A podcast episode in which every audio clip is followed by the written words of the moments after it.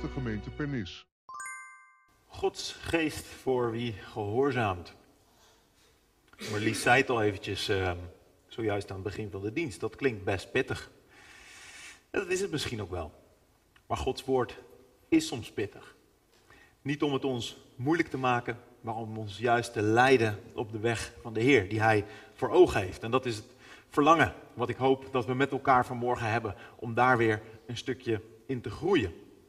Ik hoop trouwens dat jullie vorige week een mooi Pinksterfeest hebben gevierd met elkaar. Um, het is nogal een, een prachtig feest. Het is nogal wat wat we vieren. De werkzame aanwezigheid van Gods geest in ons leven. De geest in het leven van een ieder die gelooft, zodat hij of zij transformeert in een, in een, in een tempel, in een woonplaats van God. Wat een wonder. Nogal een feestje waard, denk ik. Maar hoe zit dat nu vandaag? Nu de feestvreugde is verstomd. Want, om hem er maar gelijk vol in te knallen, wat merken we met elkaar nu van die aanwezigheid van Gods geest? En ook niet onbelangrijk, wat, wat merkt Pernis? Wat merken onze vrienden, familie, klasgenoten, collega's van het feit dat Gods geest in ons woont?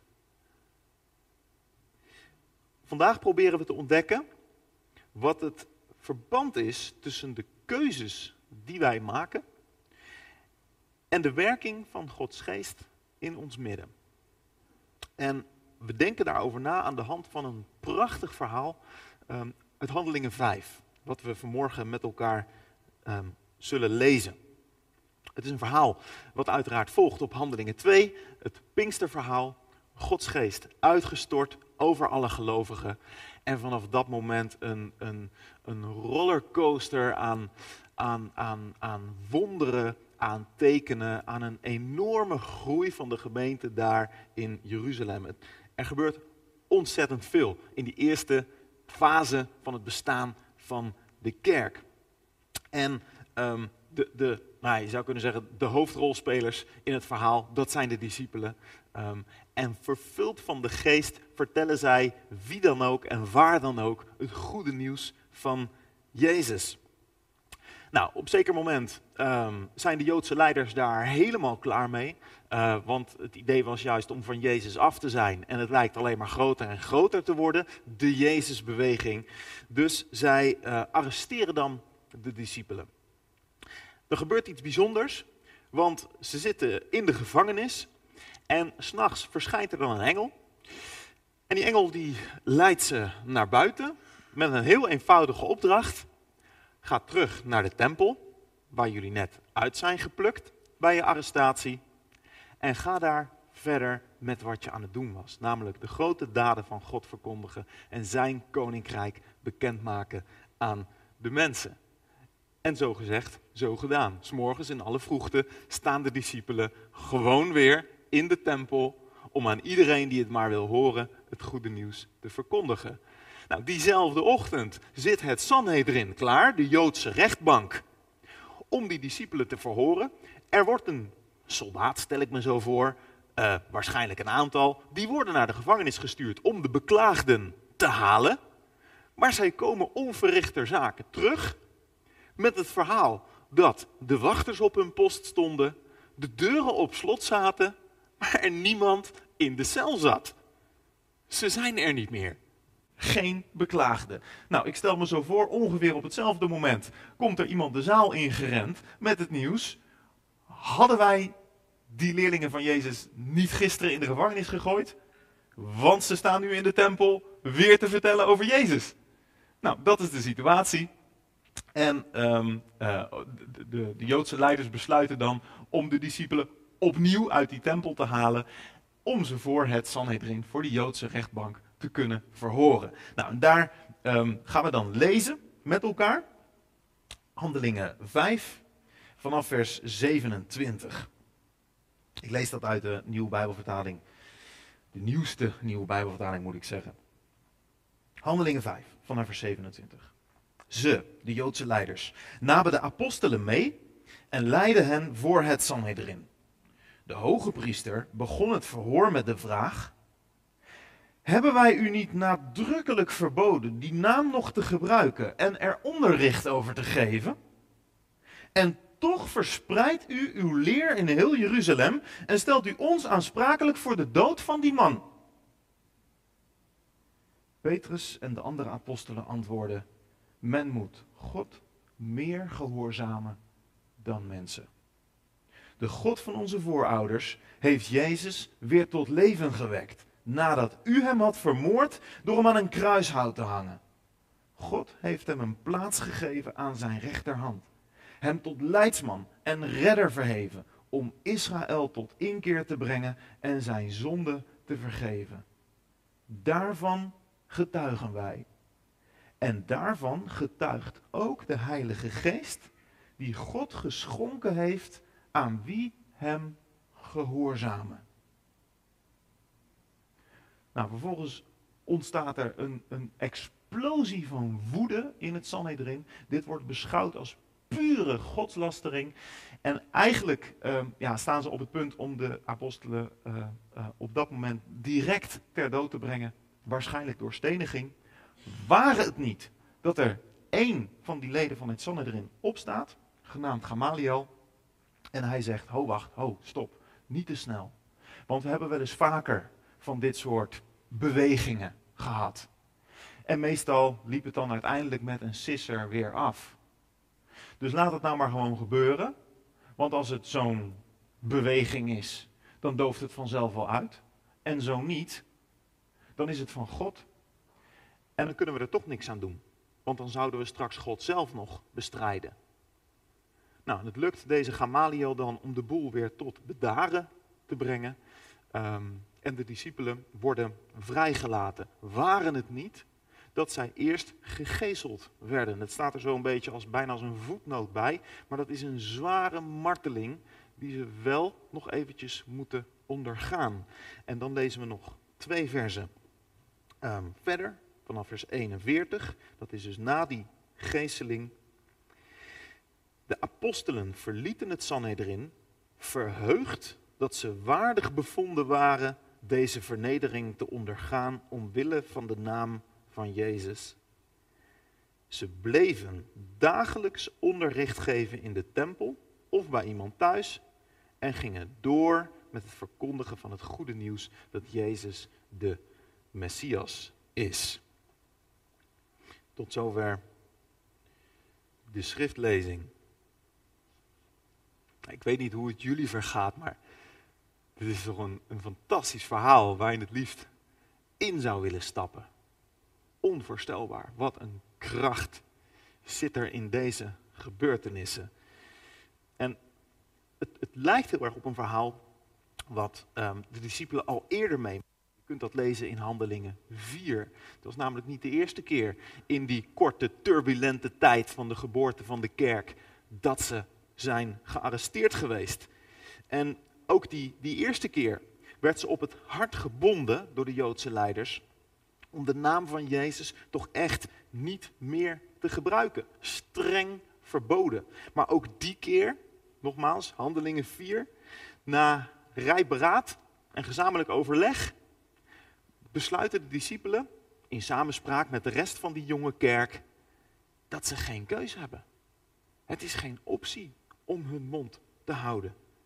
Dat kan niet. Ongehoorzaam zijn aan de machthebbers is nodig, in dit geval, om gehoorzaam te kunnen zijn aan God.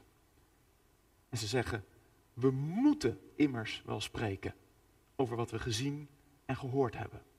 Getuigen van Gods werk.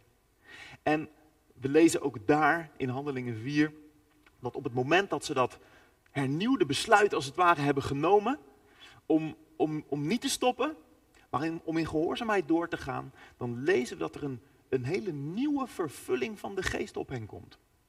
Vergelijkbaar met wat er in Handelingen 2 gebeurde, Pinksteren, gebeurt dan opnieuw. Dus het hernieuwde voornemen om niet de machthebbers te gehoorzamen, maar God te gehoorzamen, luidt ook een nieuwe vervulling met de geest in. Met alle tekenen en dergelijke die daar maar bij horen. Handelingen 4, vers 31, mocht je het willen nalezen. En als de discipelen dat doen, in gehoorzaamheid verder gaan, vervuld van de geest, ja, dan, dan, dan, dan blijven ook die tekenen, die blijven komen. Grote wonderen gebeuren er. En het is dus ook helemaal niet verwonderlijk dat als we in Handelingen 5 aankomen, het hoofdstuk wat we nu met elkaar lezen, dat er dus weer een enorme clash ontstaat met die machthebbers. En opnieuw gaat de discussie over gehoorzaamheid. De leiders hadden het noemen van de naam van Jezus verboden. Maar God had de discipelen opgedragen wereldwijd getuige te zijn van de naam van Jezus en van de komst van zijn koninkrijk. En in de spanning van dat conflict doen de discipelen zo goed mogelijk hun werk. Spanning. God horen en gehoorzamen. Andere krachten die daar tegenin gaan, die dat willen belemmeren. Kennen wij dat ook? In onze 21ste eeuwse westerse context.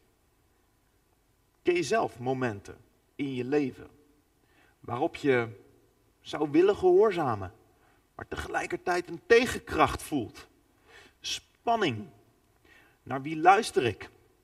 Wie ga ik volgen? Naar welke stem ga ik mijn keuzes bepalen? Zijn er misschien oorzaken in jouw leven, in ons leven, die echte gehoorzaamheid belemmeren, in de weg staan? Mocht het zo zijn dat je er iets van herkent, ik zeker wel in mijn leven, maar mocht het zo zijn, dan kan het niet anders of je verwondert je over de enorme dapperheid van die apostelen. Zelfs na op het nippertje aan de dood te zijn ontsnapt en, en, en na een gruwelijke marteling te hebben ondergaan, staan ze opnieuw stralend en vrijmoedig in die tempel. Ze zijn letterlijk nergens door te stoppen. Ik, ik hoop dat het ons allemaal duidelijk is dat dit geen superhelden verhaal is. Ik, ik, ik hoop dat we begrijpen dat deze Jezus-volgelingen van het eerste uur hele gewone mensen waren, zoals jij en, en, en ik. Niks meer, niks minder. Ze waren niet stoerder, sterker, dapperder, beter of slimmer dan jij en ik. Hooguit gehoorzamer. Het boek Handelingen, wat officieel eigenlijk Handelingen van de Apostelen heet, wordt ook wel Handelingen van de Heilige Geest genoemd. En het is de geest die in ons verhaal het grote verschil maakt. Hij is het die de discipelen de woorden geeft die ze nodig hebben op het moment dat ze ter verantwoording worden geroepen daar in die rechtszaal. Hij is het ook die ze op de een of andere manier de fysieke kracht geeft om na die marteling, ik kan me toch voorstellen dat ze daar letterlijk kapot van waren, maar die ze dan blijkbaar toch weer de fysieke kracht ook geeft om daar in die tempel te gaan staan. Het, het, het is die geest die door middel van hun handen zieken geneest en zo kracht verleent aan de woorden die zijn gesproken. Het is deze geest, de Heilige Geest van God, wiens komst we hebben gevierd met Pinksteren. Over deze geest gaat het. En ik hoop zo dat de impact van dat feest verder reikt dan deze tijd van zo'n beetje 2000 jaar geleden. En ik hoop ook dat het, dat het verder reikt dan die ene zondag in het kerkelijk jaar waarin wij de komst van die geest met elkaar vieren. Zoals we dat hebben gedaan op het Pinksterfeest. Want de betekenis, de echte betekenis van het Pinksterfeest is toch dat Gods geest wordt uitgestort over al Gods dienaren en dienaressen, zoals we lezen in Handelingen 2. al Gods dienaren en dienaressen. Dat gaat over plaats en dat gaat over tijd. Al Gods dienaren en dienaressen. Ook die in 2022 in Pernis en omstreken. Maar even terug naar de vraag van het begin. Wat merken wij daarvan? Ik, ik, ik ken jullie nu een heel klein beetje. Ik ben een paar keertjes hier geweest, maar ik, ik weet vrij weinig van jullie. Maar als ik iets breder kijk naar, naar onze Nederlandse evangelicale context, dan zie ik veel, en ik schaar mijn eigen gemeente daar ook onder hoor. Ik zie veel gemeenten die moeite hebben, struggelen, het lastig vinden om Gods woord echt te laten klinken in een maatschappij die zo geseculariseerd is, die zo ver van God af lijkt te staan. Slagkracht, impact, relevantie, vernieuwing en heel vaak ook eenheid lijken ver te zoeken te zijn in onze gemeente. En als ik dan iets verder inzoom naar de, naar de individuele levens van gelovigen waaruit onze gemeentes bestaan, dan zie ik ook in die levens vaak een enorme verdeeldheid. Die spanning waar ik het net over had. En misschien is het makkelijkst om, om gewoon mezelf maar even als voorbeeld te nemen, want ik ervaar hem ook. Um, ik, ik, ik ervaar dat ik soms, soms heen en weer geslingerd word tussen toewijding aan God offers aan de goden van onze tijd. Tussen het geven van tijd en aandacht aan wat zwak is, zoals Jezus dat deed. En bewondering voor de glamour van deze wereld. Tussen, tussen geven en nemen. Tussen liefde en onverschilligheid.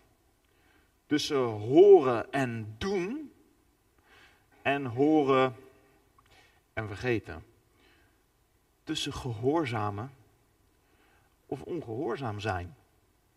Nogmaals, ik ken jullie nauwelijks, maar als je iets herkent van die verdeeldheid, waar ik bij tijd en wijle mee worstel, dan ervaar je een kloof tussen die geestvervulde werkelijkheid van handelingen 5 enerzijds en je eigen leven als christen nu anderzijds.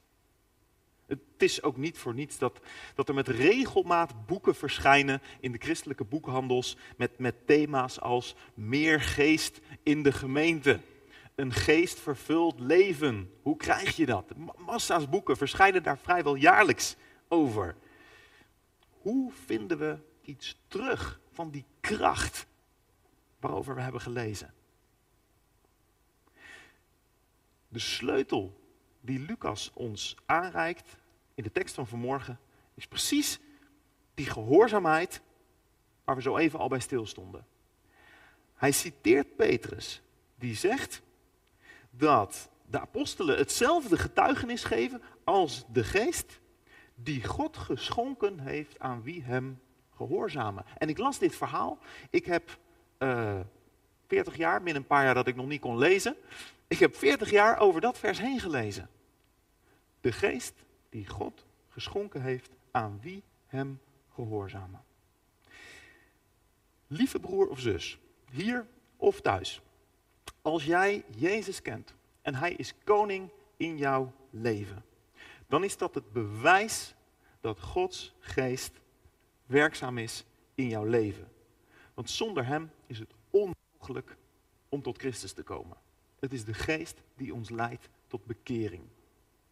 Iedere gelovige is dus in mindere of meerdere mate onder invloed van Gods geest, geleid door Gods geest.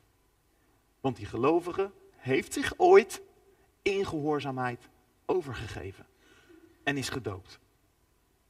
Een, een tweede belangrijke constatering is dat God zijn geest, de geest van God, geeft aan wie hij wil. Niemand kan zich dus op de borst slaan omdat hij een gelovige is. omdat hij een christen is. Sterker nog, als iemand dat doet, is dat eerder een bewijs dat Gods geest helemaal niet werkzaam is in zijn of haar leven. Maar ook in de derde plaats mogen we niet blijven zitten als we Jezus nog niet kennen. Ehm, met als argument ja, dat God zijn geest nou eenmaal nog niet heeft gegeven in mijn specifieke leven, bijvoorbeeld. Want God schenkt zijn geest aan wie hem gehoorzamen. En mocht je dus naar deze boodschap luisteren, hier of thuis, en, en je maakt er nog geen deel van uit, je maakt nog geen deel uit van het verhaal van God met mensen, leg dan in gehoorzaamheid je leven aan de voeten van de koning van het heelal. Hij heeft nog nooit iemand afgewezen. En hij wil ook jou in zijn armen sluiten en zijn geest rijkelijk over je uitstorten. Maar als we het hierbij zouden laten, hebben we de boodschap van onze tekst van morgen volgens mij nog niet helemaal begrepen. Want als iedere gelovige deelt in Gods geest, waarom ervaren we dan soms toch maar zo weinig van Hem? We zien in het boek Handelingen dat de vervulling met de geest niet een soort eenmalig gebeuren is, waarover de gelovige zich vervolgens de rest van zijn leven geen zorgen meer hoeft te maken. Zo van, oké, dat is klaar, dat heb ik gehad en door. Want zoals ik al even zei, in Handelingen 4 zien we dat de discipelen ook opnieuw vervuld werden met de geest op het moment dat zij hun voornemen vernieuwden om ondanks de tegenwerkende kracht in gehoorzaamheid toch Christus te verkondigen. Gehoorzaamheid blijft niet beperkt tot het moment waarop je je leven overgeeft aan Jezus en je laat dopen. Het is wel een ontzettend belangrijk moment, maar het is eerder een, een begin dan een eenmalig gebeuren. We zien in het Nieuwe Testament voorbeelden van talloze mensen die daar zijn geweest, in gehoorzaamheid hun leven aan de voeten van Jezus hebben gelegd, zijn gedoopt, maar om wat voor reden dan ook, ook compleet zijn afgedwaald. Streng tot de orde moeten worden geroepen in de brieven van Paulus, we zien het in, in openbaring. Dus ja, tot geloof komen is een fantastisch begin, maar het is een begin. Het is de start van een hele nieuwe weg. Baptisten van Pernis. En ik mag vanmorgen eventjes deel uitmaken van jullie gemeente. Als de werking van de Heilige Geest in ons midden eigenlijk maar mondjesmaat merkbaar is, dan is het misschien tijd om stil te staan de keuzes die we maken in ons leven. Als we werkelijk beleiden dat Jezus Heer is, en dat doen we met elkaar, toch? Daar hebben we vanmorgen ook van gezongen. Als we dat doen, dan, dan betekent dat een radicale ommekeer in ons leven ten opzichte van levens zonder Christus. Dat kan niet anders. En die ommekeer, die maak niet maar één keer op het moment dat je je leven aan Jezus geeft. Maar dat besluit om Hem te volgen, dat neem je iedere dag opnieuw. Iedere morgen. Als ik wakker word, moet ik mijzelf toewijden aan Christus. Als ik dat niet doe, dan val ik zo gemakkelijk weer in de oude patronen. Jezus volgen is een besluit wat zich iedere dag als het ware weer vernieuwt. Jezus volgen is een voortdurende zoektocht, iedere dag weer, in iedere nieuwe situatie, naar de wil van Jezus in die specifieke situatie waarin jij je bevindt.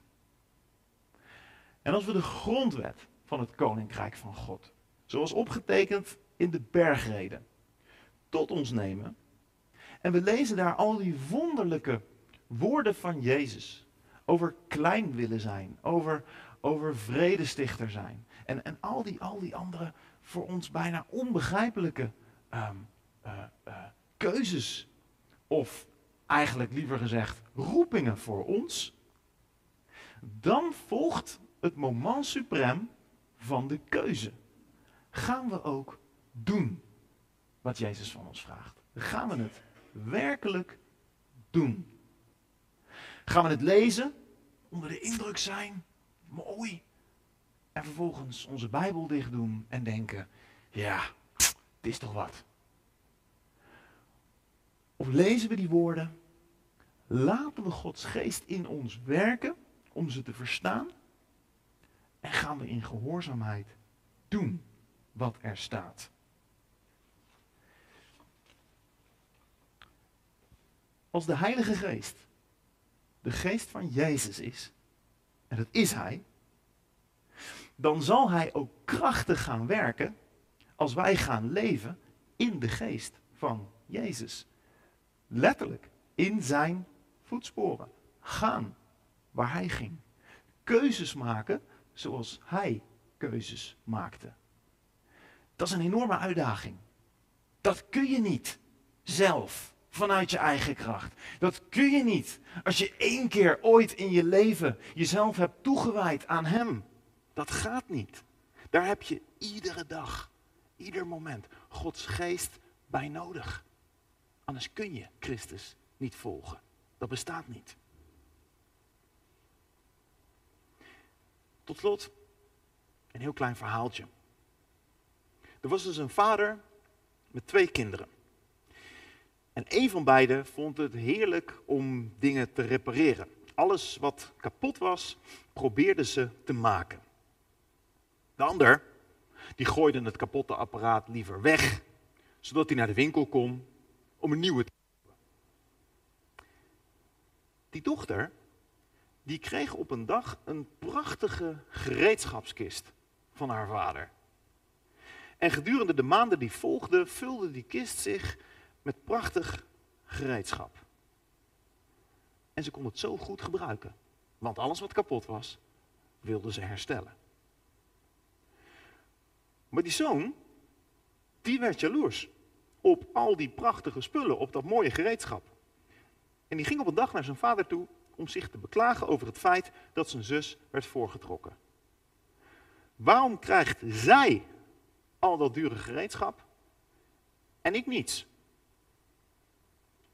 En het antwoord van die vader was heel eenvoudig. Omdat je het niet nodig hebt. Baptistengemeente van Pernis, hebben wij Gods geest werkelijk nodig?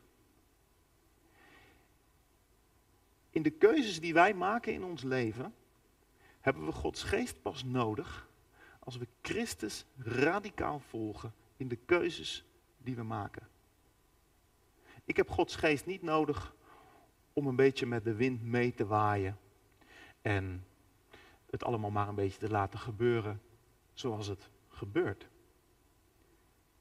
Lieve broers en zussen, de Heilige Geest is de geest die God schenkt aan wie Hem gehoorzamen. En laat dat ons aanmoedigen om die keuzes te gaan maken die Christus van ons vraagt. Laten we met elkaar gaan zoeken naar wat Jezus in onze tijd van ons hier en nu vraagt. En als we dan, als we dat met elkaar hebben ontdekt, in gehoorzaamheid gaan doen, wat dat ook mogen zijn, hier in deze context, bij mij in de Betuwe, dan gaat Gods geest daarin krachtig werken. Dat kan niet anders. En dat is dan ook keihard nodig. Want wij zijn helemaal niet in staat om Christus te volgen. Zijn geest zal op dat moment alle ruimte hebben om door ons heen te werken. Zodat Gods koninkrijk mag groeien. Amen.